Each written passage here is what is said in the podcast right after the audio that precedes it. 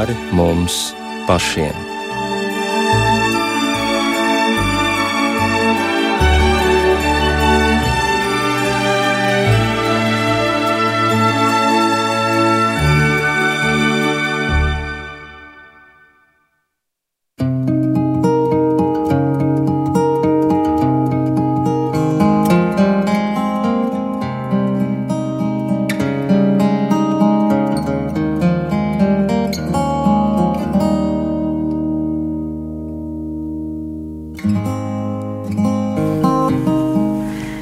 Esiet sveicināti raidījumā pāri mums pašiem, lai ir slavēts Jēzus Kristus. Studijā Inte Zēgnere par skanējumu rūpējas Mārtiņš Paeglis. Mēs satiekamies otrajos Ziemassvētkos un varētu sacīt arī, ka Ziemassvētki ir tāds eņģeļu laiks. Eņģelis nesa vēsti jaunavai Marijai, eņģelis ganiem pavēstīja par Kristus piedzimšanu, eņģelis sapnī brīdināja Jāzepu par briesmām un mudināja bēgt uz Eģipti, un tie ir tikai daži notikumi, kas svētajos rakstos ir saistīti ar eņģeļiem. Bet kāda tad īsti ir šī neredzamā eņģeļu pasaule, kādas ir tās īpašības, kāds ir eņģeļu izskats, pienākumi? Cik lielā mērā mūsu dzīve ir saistīta ar šo neredzamo pasauli, un arī kā izturēties pret savu sarģeņģeli. Šos jautājumus mēs uzdosim mūsu šī vakara viesiem, bīskapam un Svētās Marijas Magdalēnas draudzes prāvestam Andrim Kravalim. Labvakar! Labvakar. Un uh, Latvijas pareizticīgās baznīcas Rīgas Latviešu debesu braukšanas draudzes virspriesterim tēvam Jānim Drāvantam. Labvakar! Labvakar. Tātad, ko mēs zinām no svētajiem rakstiem un arī svēto tēvu pieredzes par šo eņģeļu pasauli? Cik varena tā ir, kā tā ir strukturēta, um, vai eksistē kāda hierarhija, ko mēs vispār varam uzzināt?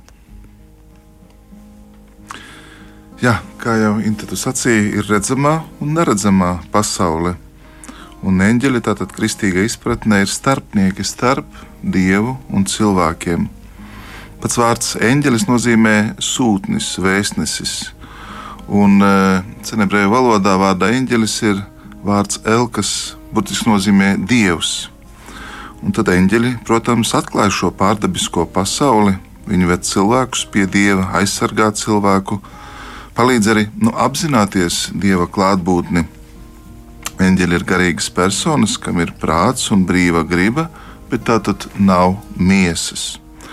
Man prieks, ka šovakar ir ar mums pareizcīgo tēvs Jānis, jo ir tik daudz uh, dziedājumu eņģeļiem, ir tik daudz ikonas, kur tieši eņģeļi ir, ja tā var teikt, tik klātesoši pestīšanas noslēpumos, un mēs jau viņus redzam nu, vecajā derībā, un patiesībā, ja mēs paskatāmies mazliet plašāk, tad arī visās pārējās monoteiskās reliģijās eņģeļi vienmēr ir klātesoši. Tā nav tikai tātad, eh, kristiešu vai jūdu reliģijas eh, mantojums, bet arī antīkajā civilizācijā mēs jau runājam par dažādiem veidiem, kā dievišķais tiek komunicēts, kā cilvēki cenšas atrast starpniekus, un tie, protams, ir ļoti, ļoti klātesoši. Jau viens no baznīcas tēviem, Svētais Augustīns, saka, ka vārds eņģelis īstenībā nozīmē sūtību, nevis dabu. Tu jautā, kā sauc šo dabu, un viņš saka, ka tas ir gars.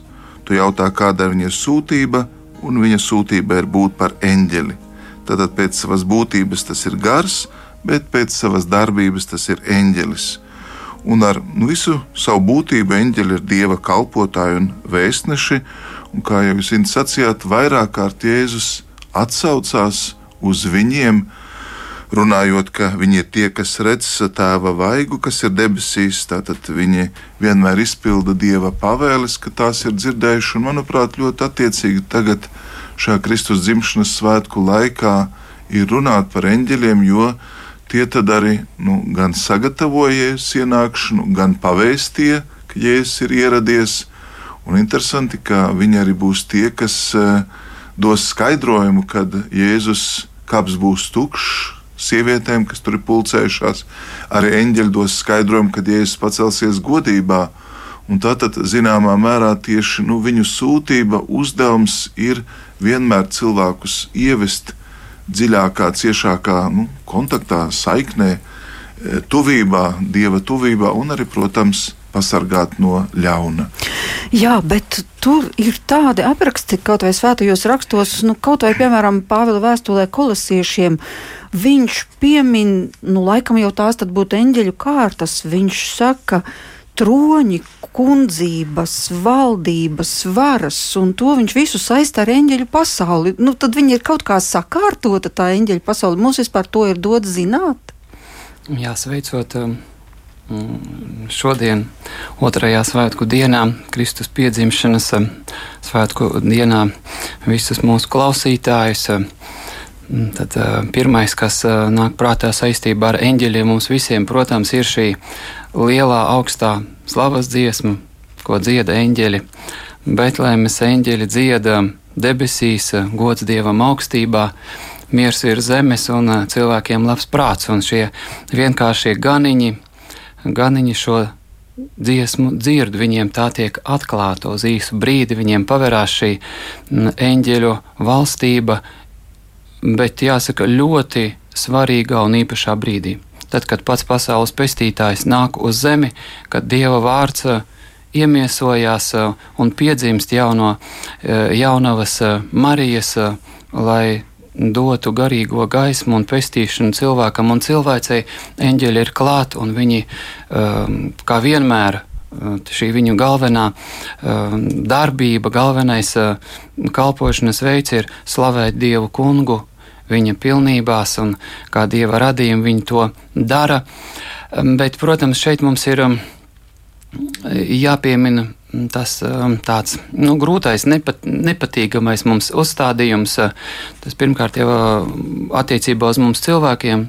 Nu, to mums gan Bībele, dievišķa atklāsmes vai to rakstu uh, saturā mums atklāja ja, šīs pirmās Bībeles vecās derības lapas mums atklāja to patiesību, ka Dievs radīja debesi un zemi, un tajā debesīs tiek ra, tik konspektīvi, vairāk neko nepieminot. Šajā vietā tiek iekļauta šī eņģeļu pasaule. Tad eņģeļi ir dieva radījumi, kā jau.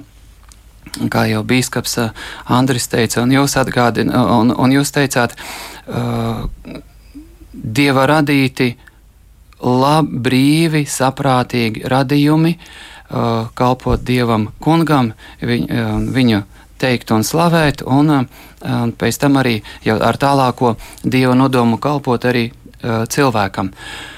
Bet arī viņiem notiek tāpat kā mm, šī lielā traģēdija, uh, kas notiek ar Ādamu un Ievu.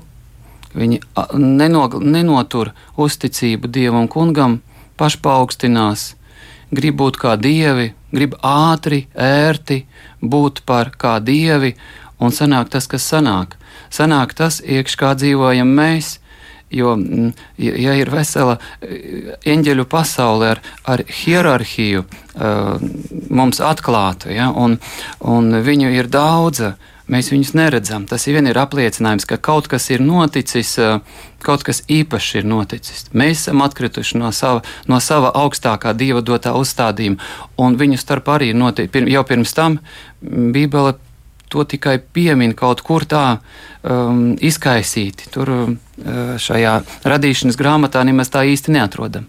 Tad arī viņos notiek šī sacelšanās, ka pirmais uh, augstākais uh, dieva eņģelis nostājas pret dievu. Viņš pats grib būt kā dievs.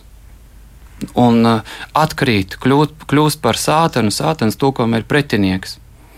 Kļūst par dieva pretinieku, un pēc tam arī par visas dieva radības pretinieku, un īpaši cilvēku pretinieku, kurš pretendē uz viņa, uz viņa pazaudēto vietu pie dieva, dieva valstībā un nostājās pret cilvēku. Tātad viņu starpā arī ir jāsaprot šī, jāatminās jā, šī patiesība, ka eņģeļi ir sadalīti jau divās lielās grupās.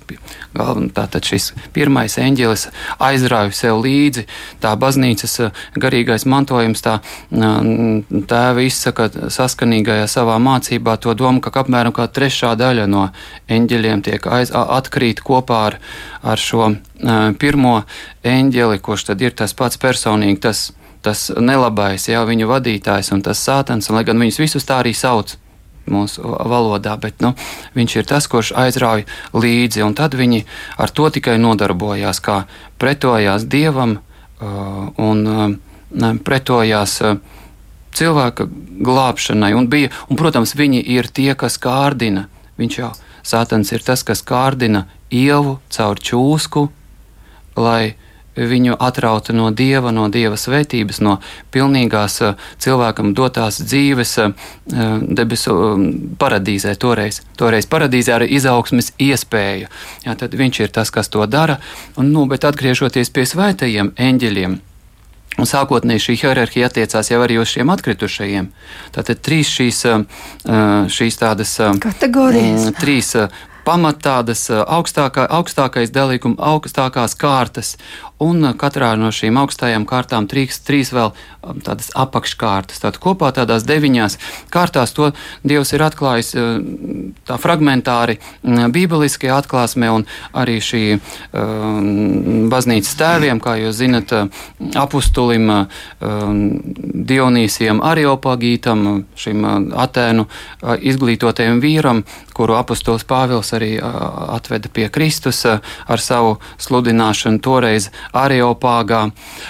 Viņam ir jā, bijusi šī atklāsme, kur ir baznīcas atzīta un pieņemta, ja par šo, ka Dievs viņu, caur viņu ir devis šo zināšanu. Un mēs gan, jūs jau pieminējat, apustulis Pāvils jau arī šīs kārtas sauc, tātad šīs trīs tādas virskārtas un, un, un, un deviņas šīs apakškārtas, tātad tās augstākajā kārtā šie ir tie, šie sērafi, ķērubi un troņi.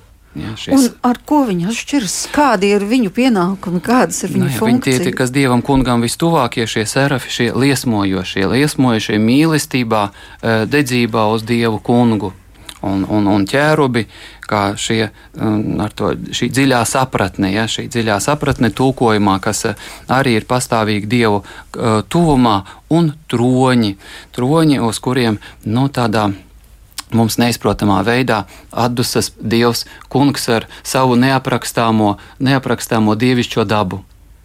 Jā, bet vai ir kāda vizuāla aina um, iedomājama, ja mēs runājam par šīm augstākajām kārtām? Ir kaut kur arī, piemēram, apraksts, nu kā tad izskatās serafi, kā izskatās ķerubi?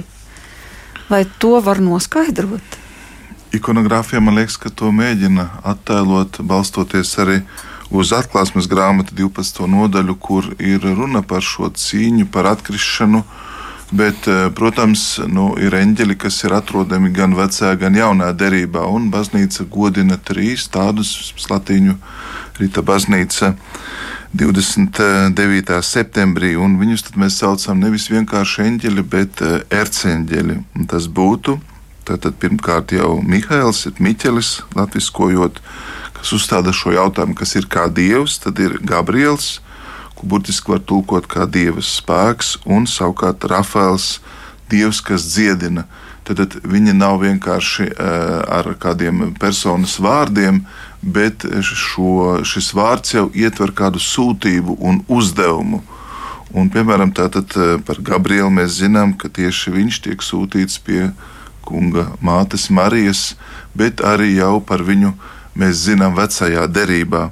Tātad vairāk es domāju, ka mēs kā precīzāk varam runāt, izējot no viņu sūtības. Eh, eh, tāpat kā mēs arī baznīcā ticam, un, un Dieva vārds mūs māca, un arī baznīcas tēvi to atgādina, ka mums ir piemēram sargeņģeļi. Arī viņi pieder pie, ja tā var teikt, eh, eņģeļiem, bet baznīca, kā, manuprāt, nu, kā Kristus saka, ko acis nav redzējis, ausis nav dzirdējis, to Dievs ir sagatavojis saviem nu, izredzētājiem.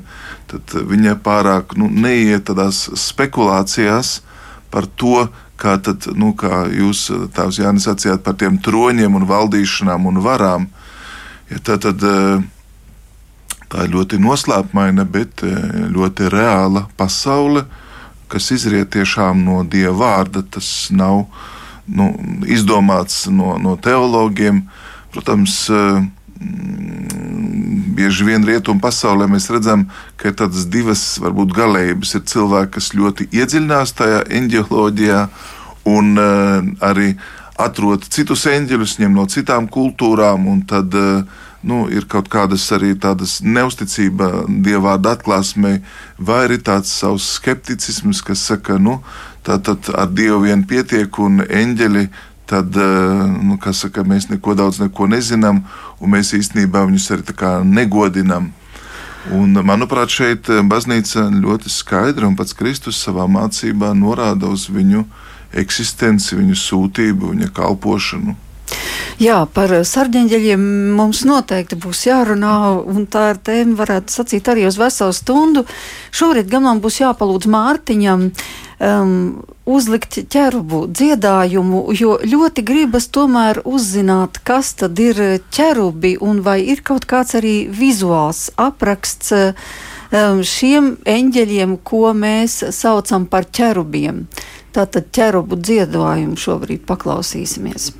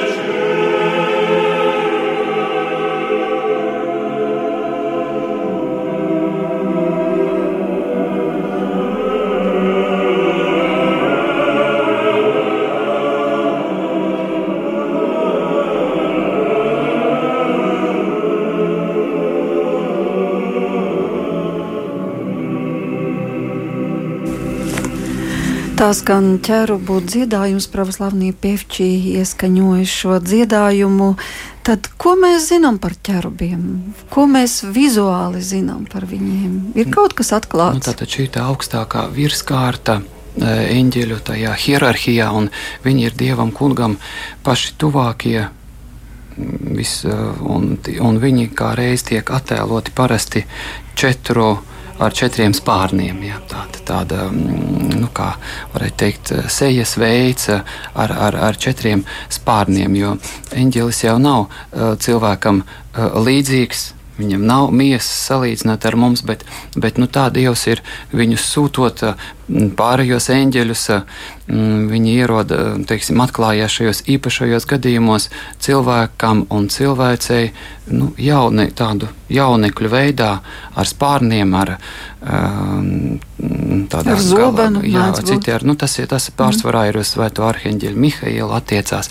Un tad ķērubijā šie dievam tuvākie, un šis ir liturģijas, svētās liturģijas dziedājums, kurā mēs, un lūkšanai, kurā mēs apliecinām, ka mēs neredzami attēlojam ķērubus savā dievkalpošanā, kā, kā viņi, nu, kā mēs tā sakam, nes dievu kungu, tad mēs tad, tad arī svētajā liturģijā Dievs kungs svētajās dāvanās ir klātesošs personīgi un, un tā, tāds noslēpumains svarīgs moments. Ja, tātad ķērubus mēs attēlojam šajā pašā tādā svētākajā, centrālajā dievišķās liturģijas brīdī. Un kā tad ir ar serafiem? Nu, serafim, jā, par viņiem mēs zinām, ka šo sērafu dziesmu, kā svēts, svēts, svēts ir tas kungs Cebots, jā, debesis un uh, zeme ir piln, pilnas viņa godības. Tātad ir, šeit ir jā. Dieva kunga slavētāji un, un viņa uh, pilnības un um, varenības teicēji. Bet mēs zinām arī, kas ir atklāts Bībelē, kāds ir viņu izskats. Nu, viņiem arī tāds, viņi ir, viņi ir tādi kā ugunīgas liesmas ar, ar, ar sešiem, sešiem spārniem. Nu, tieši ārējie izskati, jā, nu, viņi tādi ir, tādi viņi ir bijuši atklāti, un tas, protams, nav svarīgākais. Bet nu, to, ko mēs varam zināt, to mēs zinām, un tomēr uh, galvenais ir tas, ka uh, svētie eņģeļi ir tie dieva radījumi, kas mums sūtīti e, neredzami, mums kalpot, palīdzēt un pasargāt, un galvenokārt no tiem kritušajiem eņģeļiem, no dēmonu pasaules.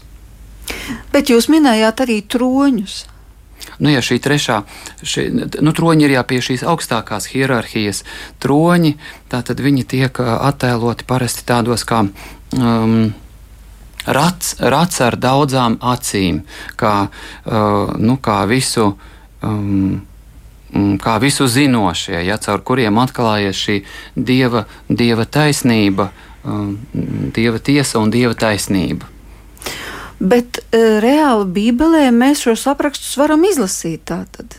Tas ir pravietis Ecihils, kurš ir to visu redzējis.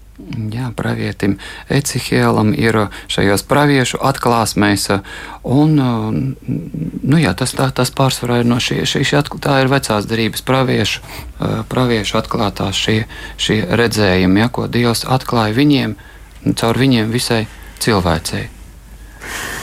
Jā, jūs sacījāt, ka nu, šīs augstākās varas ir vizualizētas tā, kā to Ecehils redzējis ar tiem spārniem un tā tālāk, un ka tad eņģelis ir parādījies arī jaunekļa izskatā, arī kad ir nākuši pie cilvēkiem eņģeļi.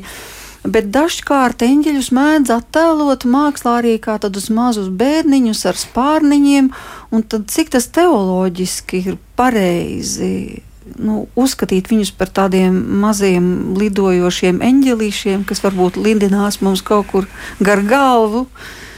Es domāju, attēlojumi un cilvēku fantāzija var būt ļoti, ļoti dažādi, bet, ja mēs atgriežamies pie Dieva vārda, tad varbūt pirmā vieta, kur jau eņģeļi atklājās kā tādi, kas nu, ir paradīzes durvju priekšā, kad cilvēki atstāja paradīzes dārzu. Un vēl ļoti izteiksmīga vieta, uz kuru Kristus atsaucās, ir um, radīšanas grāmatā 28. nodaļā, kur runa par jēkaba kāpnēm. Viņš redz šo noslēpumaino sapni, kur redz eņģeļus kāpjam augšup un lejup.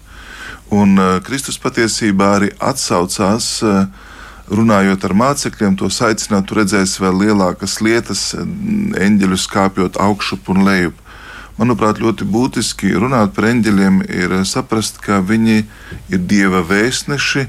Viņu uzdevums ir tātad atdot godu dievam, mudināt uz pielūgsmi, piemēram, psalmā: Eņģeļu priekšā es dziedāšu tev, kungs.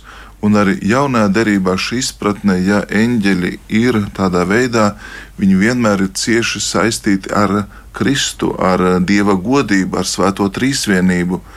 Viņi nekad eh, nemēģina uzmanību vērst sev, bet viņi, ja tā var teikt, nu, kalpo.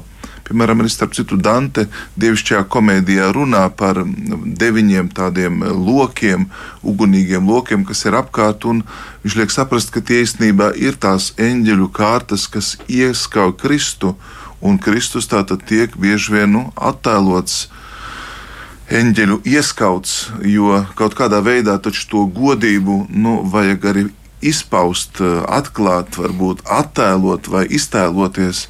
Un tieši tāpēc, protams, ir daudz dažādu iespēju, un tas gan ikonogrāfijā, gan mākslā, gan arī literatūrā.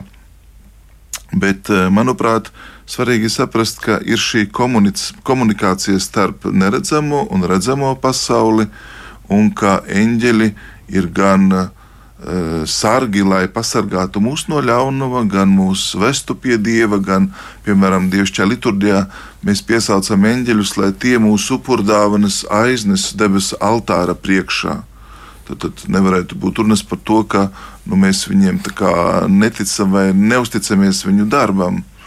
Un, manuprāt, nu, īpaši arī nu, atklāsmes grāmata noslēdzās ar šo vēstījumu par uh, eņģeļiem, par baznīcām, kuriem ir īpašs uzdevums. Tad, manuprāt, tāpat kā Kristus dzīvē, viņi ir e, mudinājuši, skaidrojuši, norādījuši virzienu. Viņi pat, piemēram, pasaka, kur tad ganiem doties, kā viņiem atrast dievu, kāda būs šī zīme. Šī ziņa nāk no eņģeļiem.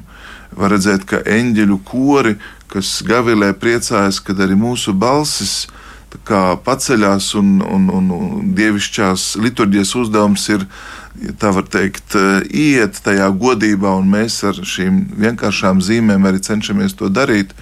Tad, manuprāt, viņi ir tie, kas nodrošina šo nu, komunikāciju starp debesīm un zemi, starp redzamo un neredzamo pasauli. Jā, ir laikam apustulim Pāvilam bija šie vārdi, ka ne pret valdībām, ne, ne pret miesu mums ir jācīnās, bet gan pret valdībām un varām pasaules telpā. Viņš runā par garīgo cīņu. Tas ir neredzamo cīņu, kuru mēs tā kā fiziskajā pasaulē neredzam, bet kura visu laiku pastāv, pat ja mēs viņu neapzināmies. Nu tad cik lielā mērā mums palīgā šajā cīņā nāk eņģeļi? Piemēram, sarģeņģelis. Sarģeņģelis ir katram cilvēkam. Nu, redziet, šīs valdības varas un um, spēki tie ir jau domāti šī gadījumā kritušie eņģeļi. Viņi arī ir no visām hierarhiskajām pakāpēm, un to ir svarīgi saprast. Un uh, saprast arī to, ka um, cilvēku sabiedrības pārvaldībā pārvaldības tām struktūrām ir iedotas šīs eņģeļu kārtu nosaukumi. Tas ir kā? Nu, tas ir tā, ka mums arī ir valdības varas un, à, un, un, un troņi un, arī. Un, nu, nu, troņi varbūt tā paši. Agrākajos gadsimtos. Nē, jā, bet, bet tā, no, no, no šīm tieši tāda līdzība, jā, lai šeit svarīgi ne, nepārprast. Tātad apustulis Pāvils šajā vietā mums skaidri atgādina to, ko mēs jau sākumā drusku minējām, ka atkrit, no dieva atkritušie eņģeļi kļuvuši par dieva ienaidniekiem un par cilvēku ienaidniekiem. Bet un, viņi ienīst cilvēku tik ļoti tāpēc, ka cilvēkam ir iespēja nokļūt debesīs, ja labi pacenšas, bet viņiem vairs nav. Nu, tas, tas, ir, tas nav primārais, tas ir sekundārais moments. Primārais tomēr ir tas, ka vienkārši atkāpjoties no dieva, kurš ir pilnības un labuma avots un, un ideāls nav cita, ir tikai pretošanās. Un pretošanās ir vienkārši ļaunums, tas ir pretējais. Un pretējais dievam, kurš ir nu, visas esības pamatlikums un pamatprincips, mm, kurš to dod, nu, ir, tas, ir, tas ir ļaunums. Tātad viņi šie kundzības troņi un varas kritušie eņģeļi cīnās ar cilvēku, tāpēc ka viņi, viņi vienkārši ir ļauni. Un to vajag saprast. Pats ļaunākais cilvēks var kādu apžēlot bet viņi nekad nevienu neapžēlo tādā pilnīgā ļaunumā nonākuši. Tāpēc ir šīs, eh, tāpēc apustulis eh, Pāvils aicina. Viņš saka, nav mūsu cīņa ar miesu un asinīm, bet ar šiem kritušajiem gariem, ar kritušajiem eņģeļi, kur, eņģeļiem, kuri pastāvīgi cenšas cilvēku apmānīt, ievest kaut kādos grēkas lasdos, at, atraut no dieva un atraut tātad no sekojošās šīs saistības ar Dievu cilvēka laimes, svētlaimes, pilnības. Un tāpēc ar viņiem ir jācīnās. Un šeit ir nu, jāievēro tie svarīgie, mm, teiksim, ortodoksālā antropoloģija un askēze. Eh, atgādina un parāda īpaši tiem garīgajiem cīnītājiem, ka mm, ir jāievēro šie drošības nosacījumi, Cilvēks nekad nedrīkst šajā stāvoklī, kā mēs esam no dieva atkritušie. Nu, kaut vai pēc viena principa, dievu neredzam, garīgo pasauli neredzam. Un, nu, redzam, ka ir mūsos grēks. Sevī mēs neredzam, bet apkārt mēs vismaz redzam grēku. Citos cilvēkos noteikti redzam. Tātad, lūk, šajā stāvoklī netiekties uh, pretēji dieva uzstādījumiem, izrauties garu pasaulē. Tad šis okultisms, maģisms, kaut kāda tiekšanās uz kaut kādu spiritismu, ja, tās ir ļoti bīstamas un pat bieži vien garīgi nāvējošas lietas jebkuram cilvēkam. Un šī bībeliskā atklāsme un, un, un kristīgā mācība mums to atgādina pirmkārt. Lai mēs iemantojam kaut nelielu pazemību, apzināmies savu stāvokli un netiecamies redzēt. Mums nav jāredz nevieni, ne, ne labie eņģeļi, ne sliktie eņģeļi. Mums pietiek ar to, ko Svētā baznīca ir nolikusi. Mēs zinām, ka ir labi eņģeļi, mēs viņus pagodinam, mēs viņiem lūdzamies. Un, starp citu, baznīcā ir uh, ļoti tāds attīstīts uh, šis eņģeļu lūgšanas, nu, pagodināšanas kārta. Katra pirmdiena, nedēļas pirmdiena, tiek veltīta eņģeļu.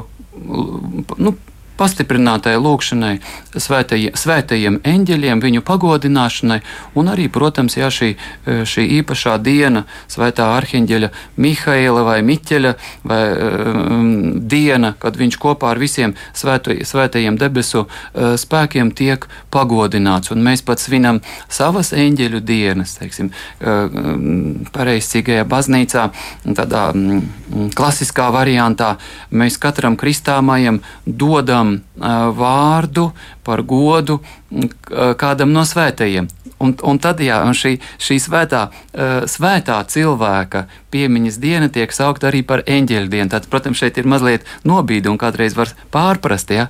bet uh, katrā rīta un vakara lūkšanā uh, mums ietilpst arī lūkšana, viņas ir dažādas, arī mūsu svētajiem sargeņģelim, tam eņģelim, ko Dievs kungs mums ir devis svētajā kristībā, Un uh, droši vien, ka katram cilvēkam mēs to tā nevaram matemātiski pateikt, tik labi to nezinām, bet Dievs mums katram ir devis šo eņģeli sargu, kas mūs pasargā, palīdz un aizstāv.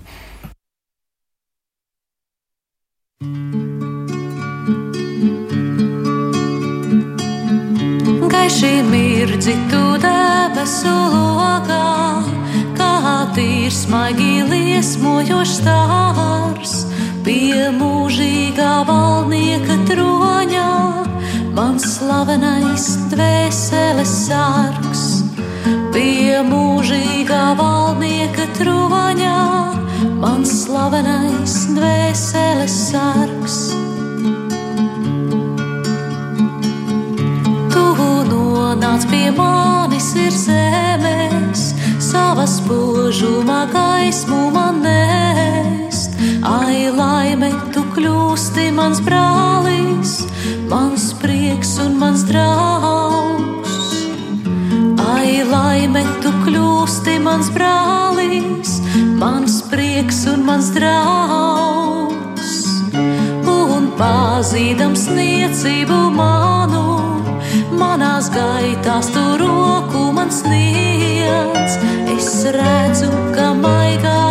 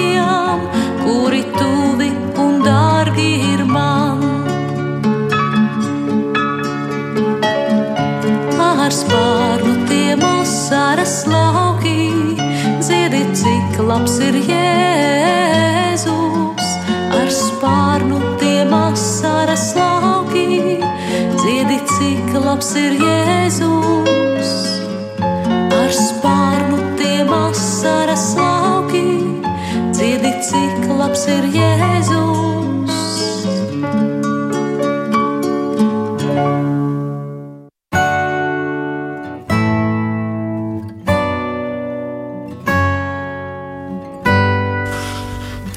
Nu, lūk, tikko mēs dzirdējām lūgšanu sarģeņģelim, kāda ir mazā svētā ir šo vārdu autora dziedāja Laina Ligere, un tie ir tādi pazīstami vārdi.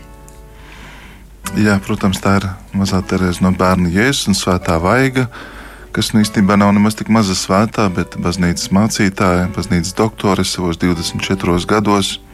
Jā, viņa ne tikai nu, rakstīja dzēju, bet arī pat īstenībā gleznoja eņģeļus un uh, apgleznoja un uh, tādā veidā iepriecināja savas māsas. Un arī nu, katoliskā baznīca, katoļu baznīcā arī ļoti, es gribu teikt, tieši tāpat attiecībā uz sarķeņģeļiem. Mēs pat svinam šo viņu dienu. Kad? No 16. gadsimta ir jau šī pārliecība, ka katram cilvēkam ir dots sarģeņģelis, un es domāju, ka to var jautāt, vai arī nekristītam ir dots vai nē. Tieši tā. Tad eh, nu, teologi pieņem, ka savs sarģeņģelis eh, ir jau no dzimšanas brīža ne tikai kristītēm, bet arī neticīgiem cilvēkiem un balstās uz to, ka Jēzus saka, raugieties, eh, ka jūs nenievātu nevienu no šiem mazajiem, jo es jums saku, ka viņa eņģelis debesīs vienmēr redz mana debesu tēva vaigu. Mateja 18.10. un Svētais um, Hieronīms ir saka, tātad, cik nu, liela ir dvēseles vērtība, ka ik viens cilvēks jau no dzimšanas brīža ir saņēmis eņģeli, lai tas viņu sargātu. Daži, Jā, jā. jā, daži svētie ir pat teikuši, ka nu, viņiem ir, laikam, ir tāds bijis raksturs vai tāda dzīve, ka viņiem pat Dievs ir devis vairākus sargeņģeļus. Varbūt viņi teikuši arī par eh, tā mazliet ar eh, smaidu, bet es domāju, ka eņģeļu klātbūtni un aizsardzību neviens nu, arī nenoliedz. Bet kā izpaužas šī sargāšana? Nu, kādā veidā tas nozīmē, ka eņģelis ir visu laiku mums blakus, te labajā pusē, te kreisajā, vai nu, kaut kas ir par to zināms? Kā tas, vai mums vienkārši tas ir jāzina, ka viņš ir ar mums vienmēr, vai arī mēdz būt tā, ka viņš pazūd kaut kāda iemesla dēļ? Kā tas ir? Nu, es kā, no baznīcas tēviem lasot tādus pamācošus stāstus, eh, esmu lasījis, nu, ka ja cilvēks eh, vairs nerīkojas saskaņā ar sirdsapziņu, ja viņš dara ļaunu, viņš apbēdina savu sargeņģeli. Un, eh, piemēram, daudz teologi saka, ka tieši nu, dvēseles stāvoklis, tavas sirds stāvoklis, atbilde dieva iedvesmām ir tas, vai tu tagad esi atvērts tai eņģeļa balsī, vai viņš arī var tev palīdzēt. Es lasīju kādu tādu stāstu, kad uh, mūki ir gājuši savā starpā, savstarpēji runājot par dievu un to slavinājuši. Un kāds uh, vecāks mūks redz, ka eņģeļi virs viņu galvām gavilē un priecās. Bet, kad viņi runājuši kaut ko neatiecīgu, tad tie ir pilnīgi novērsušies, pat aizspieduši degunas iet un attālinājušies no viņiem. Ja? Tas liek mums saprast, ka mēs esam atbildīgi par to nu, gara un dvēseles stāvokli, un mēs paši varam būt vairāk atvērti vai aizvērti šai pārdabiskajai pasaulē un iedvesmām. Bet tas, ka eņģeļi ir ieinteresēti mūsu pestīšanā, ka viņi ir mums kā draugi, kā gani, kā te dziesmā tika teikts, ka viņi steidzās ātrāk kā ugunīgs dārts pie tiem, tiek, pie tiem, kuriem tas ir vajadzīgs. Es iemācījos skaisti tādu attieksmi no arhibīskapa, braucot ar automašīnu. Nu, tad viņš arī piesauc svētos, mēs noskaitām lūkšanu ceļā, un viņš arī vienmēr sūta sargeņģeļus sev pa priekšu, lai viņi dodas un īsteno to uzdevumu, nu, kura dēļ mēs dodamies ceļā, vai pienākumu, kas viņam ir jāpilda. Un es uh, zinu, ka tagad jau svētīgais tēvs Marija Eugēnijas no bērna Jēzus, Karmelītu tēvs, arī to mācīja sakot, tad, kad jūs vēlaties kādu lietu sarežģītu risināt, tad sūtiet sargeņģeļus, lai tie steidzās, sakārto, sagatavo, lai tie ierodas pirms jums un lai viņi tādā veidā līdzdarbojās. Jā, cik lielā mērā tad ir sargeņģelis jālūdz un vispār jāuztver tiešām viņš kā draugs vai kā viņu uztvert? Viņam vispār ir interese ar mums komunicēt, viņam ir vajadzīga mūsu tāda vēršanās pie viņa, vai vienkārši viņš pilda dievu uzdevumu, viņam ir pavēlēts sargāt, viņš arī sargā. Bet tā savstarpējā komunikācija ar eņģeli ir nepieciešama? Nu, redziet, um, kopš, tās, kopš cilvēks atkrīt no sava sākotnēji augstā uzstādījuma, no garīgā stāvokļa un nonāk šajā miesīgajā stāvoklī, kādā mēs esam, mums šī tiešā saikne ar eņģeļu pasauli ir aizvērta. Tas ir dieva cilvēka brīvās izvēles, eh, nepareizās rīcības rezultāts un dieva uzstādījums. Mums nav šīs dzīvā saikne, mums nevajag, eh, un pareizi sakot, nedrīkst, nedrīkst tiekties pēc eh, tādas. Kā, līdzīgi kā cilvēkam, jā. antropomorfiskas attieksmes pret eņģeļiem. Svētie eņģeļi ir dieva kalpi, pilda dieva gribu, mīl dievu, mīl visu dieva radību un tostarp arī mūs. Un tā tad uh, dara visu, uh, kas mums nāk par labu, palīdz visā, ko, ko mēs darām labu un ir ar mums, un priecā, var teikt, tā mēs atkal līdzīgi sakām, ka priecājas par mums, ja mēs turamies ticībā, cerībā un mīlestībā, visīsākajā formulā izsakot ja, šo kristīgās dzīves eh, tādu eh, pamatu, un eh, pasargā un palīdz, bet iet tādā uz, uz sajūšanas līmenī tas ir kategoriski aizliegts. Bet lūkšanas, lūkšana, bet, piemēram, lūkšana, cilvēks ir kaut ko izdarījis sliktu, vai nu, tas ir, tas ir tad labi? Lūgt savam sarģeņģelim atdošanu par to, ka viņš viņu ir apbēdinājis. Jā, bet uh, tā ir jāsaprot, ka hierarhija jālūdz pirmkārt ir dievam kungam atdošanu. Eņģelim mm -hmm. tomēr tā būs pastarpināta atdošana, bet arī jā, šis atdošanas moments uh, mēs lūdzam savam sargeņģelim, lūgšanās, lai viņš piedod mums, ko esam šajā dienā vai naktī um, kaut, kaut ko sagrēkojuši, lai, lai lūdzam viņam, lai viņš piedod un, un un sargā mūs un palīdz mums. Bet jā, šis ļoti svarīgais askēzes moments mēs neejam, eh, neveidojam mākslīgu eh, tiešās komunikācijas veidu, jo mēs eņģeļus neredzam mūsu stāvoklī. Tas ir uh, Dieva dots uzstādījums, svarīgs, aizsargājošs un īsts. Un viņu pārkāpt ir, um, nu, tas ir tās, tā ir aiziešana um, spiritismā, maģijā, okultismā. Tātad to, mm. tajā ne, mēs nevaram iziet pēc sava prāta uh, saiknē ar svētajiem eņģeļiem. Pēc sava prāta var ieiet krit, tikai saiknē ar kritušajiem eņģeļiem. Daudz jautājumu. Nu, Ir tāds uzskats, ka vislabāk par sarģeņģeļiem zina pastāstīt ugunsdzēsēji, glābēji, cilvēki, kas strādā ekstremālos apstākļos un kuri ir dzirdējuši vienkārši pavēli soli pa kreisi vai ej ārā, un tajā brīdī notiek kaut kas, vai nu kāds degošs baļķis nogāžās, vai nu vēl kaut kādu, starp citu, jūs draudzes ērģelnieks Rihards Dubra komponists arī ir stāstījis, ka armijā ir bijusi situācija, kad viņš vienkārši viņam ir dota pavēle paiet sāņus, un viņš ir izglābis savu, nu, ne viņš ir izglābis, Dievs ir izglābis viņam dzīvību. Tas taču notiek ar eņģeļu starpniecību. Tātad pateikties mums vajadzētu. Saprast, ka, kungam. jā, protams, bet apzināties to, ka mums ir sarģeņģēlis, tas būtu labi taču.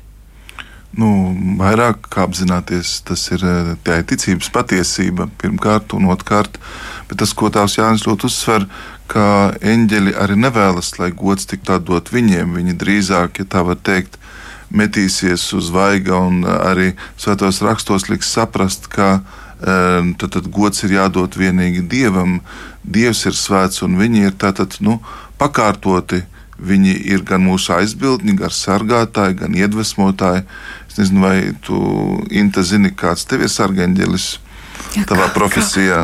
Kā, Tad eņģelis Gabriels jā, ir pasludināts visu, kopš jā. 1951. gada tieši par nu, radio, televīzijas aizbildni arī tiem, kas strādā ar um, telegrāfā, telefonā, arī tiem, kas ir diplomātijā, piemēram, kas ir sūtņu, pastnieku un filatēlistu aizbildnis. Tātad arī, nu, piemēram, runāt par eņģeli Rafaelu, tur atkal ir runa par ārstiem, par dziedināšanu, par slimniekiem, par svētceļniekiem, ceļotājiem.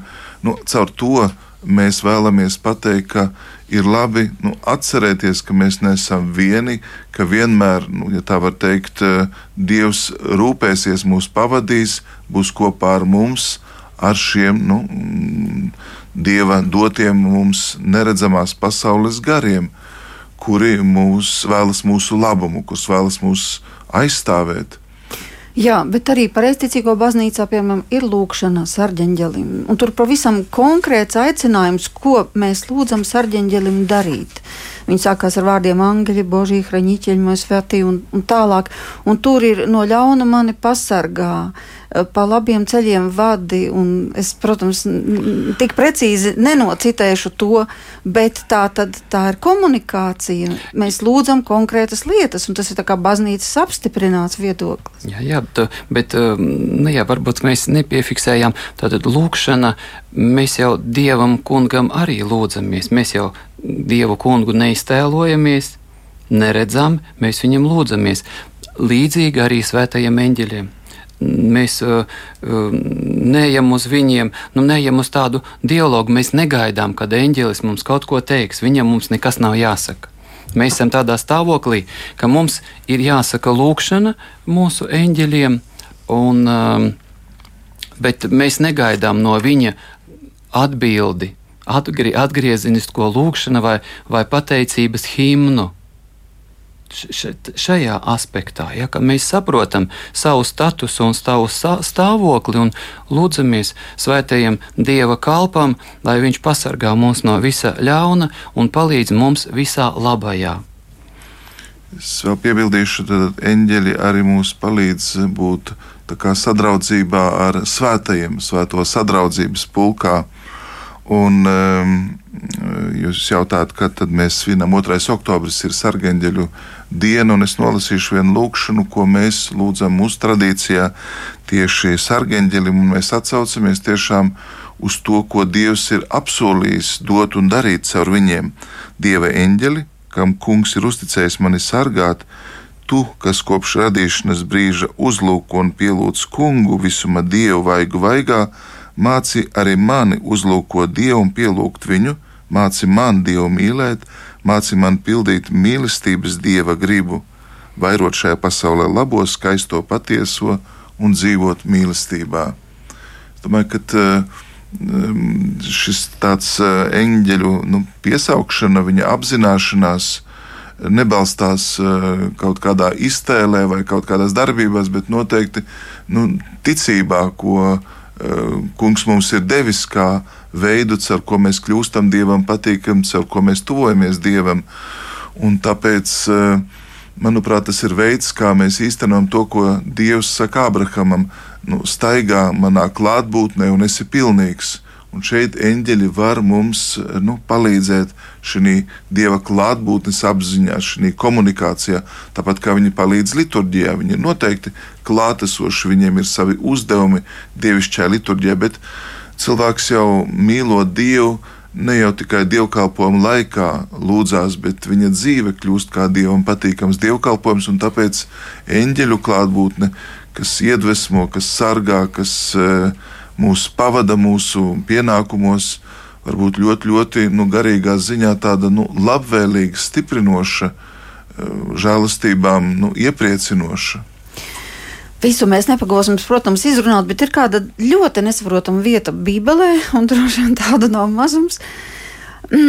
Tas ir Daniela grāmata, kad Daniels redz šo parādību, pravietis Daniels, un viņa Un uh, viņam šis cilvēkam līdzīgais tēls saka ļoti skaidri, ka nebīsties uh, tavu lūgšanu dēļ, um, es esmu ieradies, un tur tādi vārdi es gribēju ierasties, bet persiešu valsts sarģeņģelis mani atturēja 21 dienu, kamēr beidzot Mihails, viens no galvenajiem sarģeņģeļu priekšniekiem, man nāca palīgā, un man izdevās atstāt Mihailu vienu pašu pie persiešu ķēniņu sarģeņģeļa.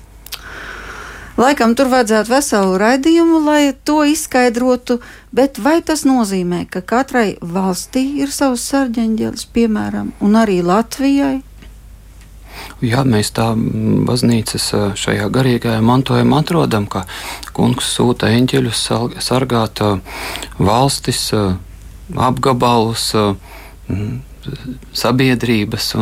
Tā tad ir mums, kā katram cilvēkam, tā arī ir arī lielākām sociālām grupām. Un valstīm ir sargeņģeļi, sargeņģeļi, eņģeļi, kurus Dievs kungs ir sūtījis, lai, lai sargātu un palīdzētu visā labajā. Jo ir jau šie, šie ļaunie eņģeļi, kas nu, tiecās pastāvīgi pēc ļauna, un viņi ir, un jāsaka, viņi ir stiprāki par mums eņģelis pēc savas uh, dabas, vismaz runājot par mums kritušajiem, no dieva aizgājušajiem cilvēkiem, viņi ir par mums stiprāki, un uh, ja viņi viņiem dotu varu, nu, viņi mūs iznīcinātu vienā mirklī.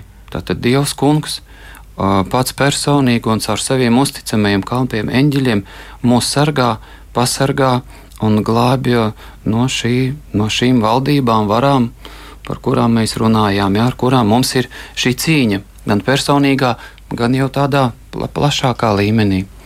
Es tikai teikšu, ka eh, Dievmāti, ja es māti Mariju, mēs godinam kā eņģeļu karalieni, un, piemēram, Fatimā 1917. gadā tie bija eņģeļi, kas sagatavoja viņas atnākšanu, kas mācīja bērnus, kā sagatavoties pieņemt uh, visvētāko sakramentu. Tad, tad nu, viņu uzdevums ir tiešām nu, uh, atvērt ceļu tai žēlastības straumei, un arī mm, Dievs bieži vien eh, nu, liek arī saprast, ka Viņš mūs sūta kā eņģeļus citam pie cita, ka Viņš bieži vien sūta eņģeļus, lai tādā veidā nu, mēs varētu īstenot savu uzdevumu.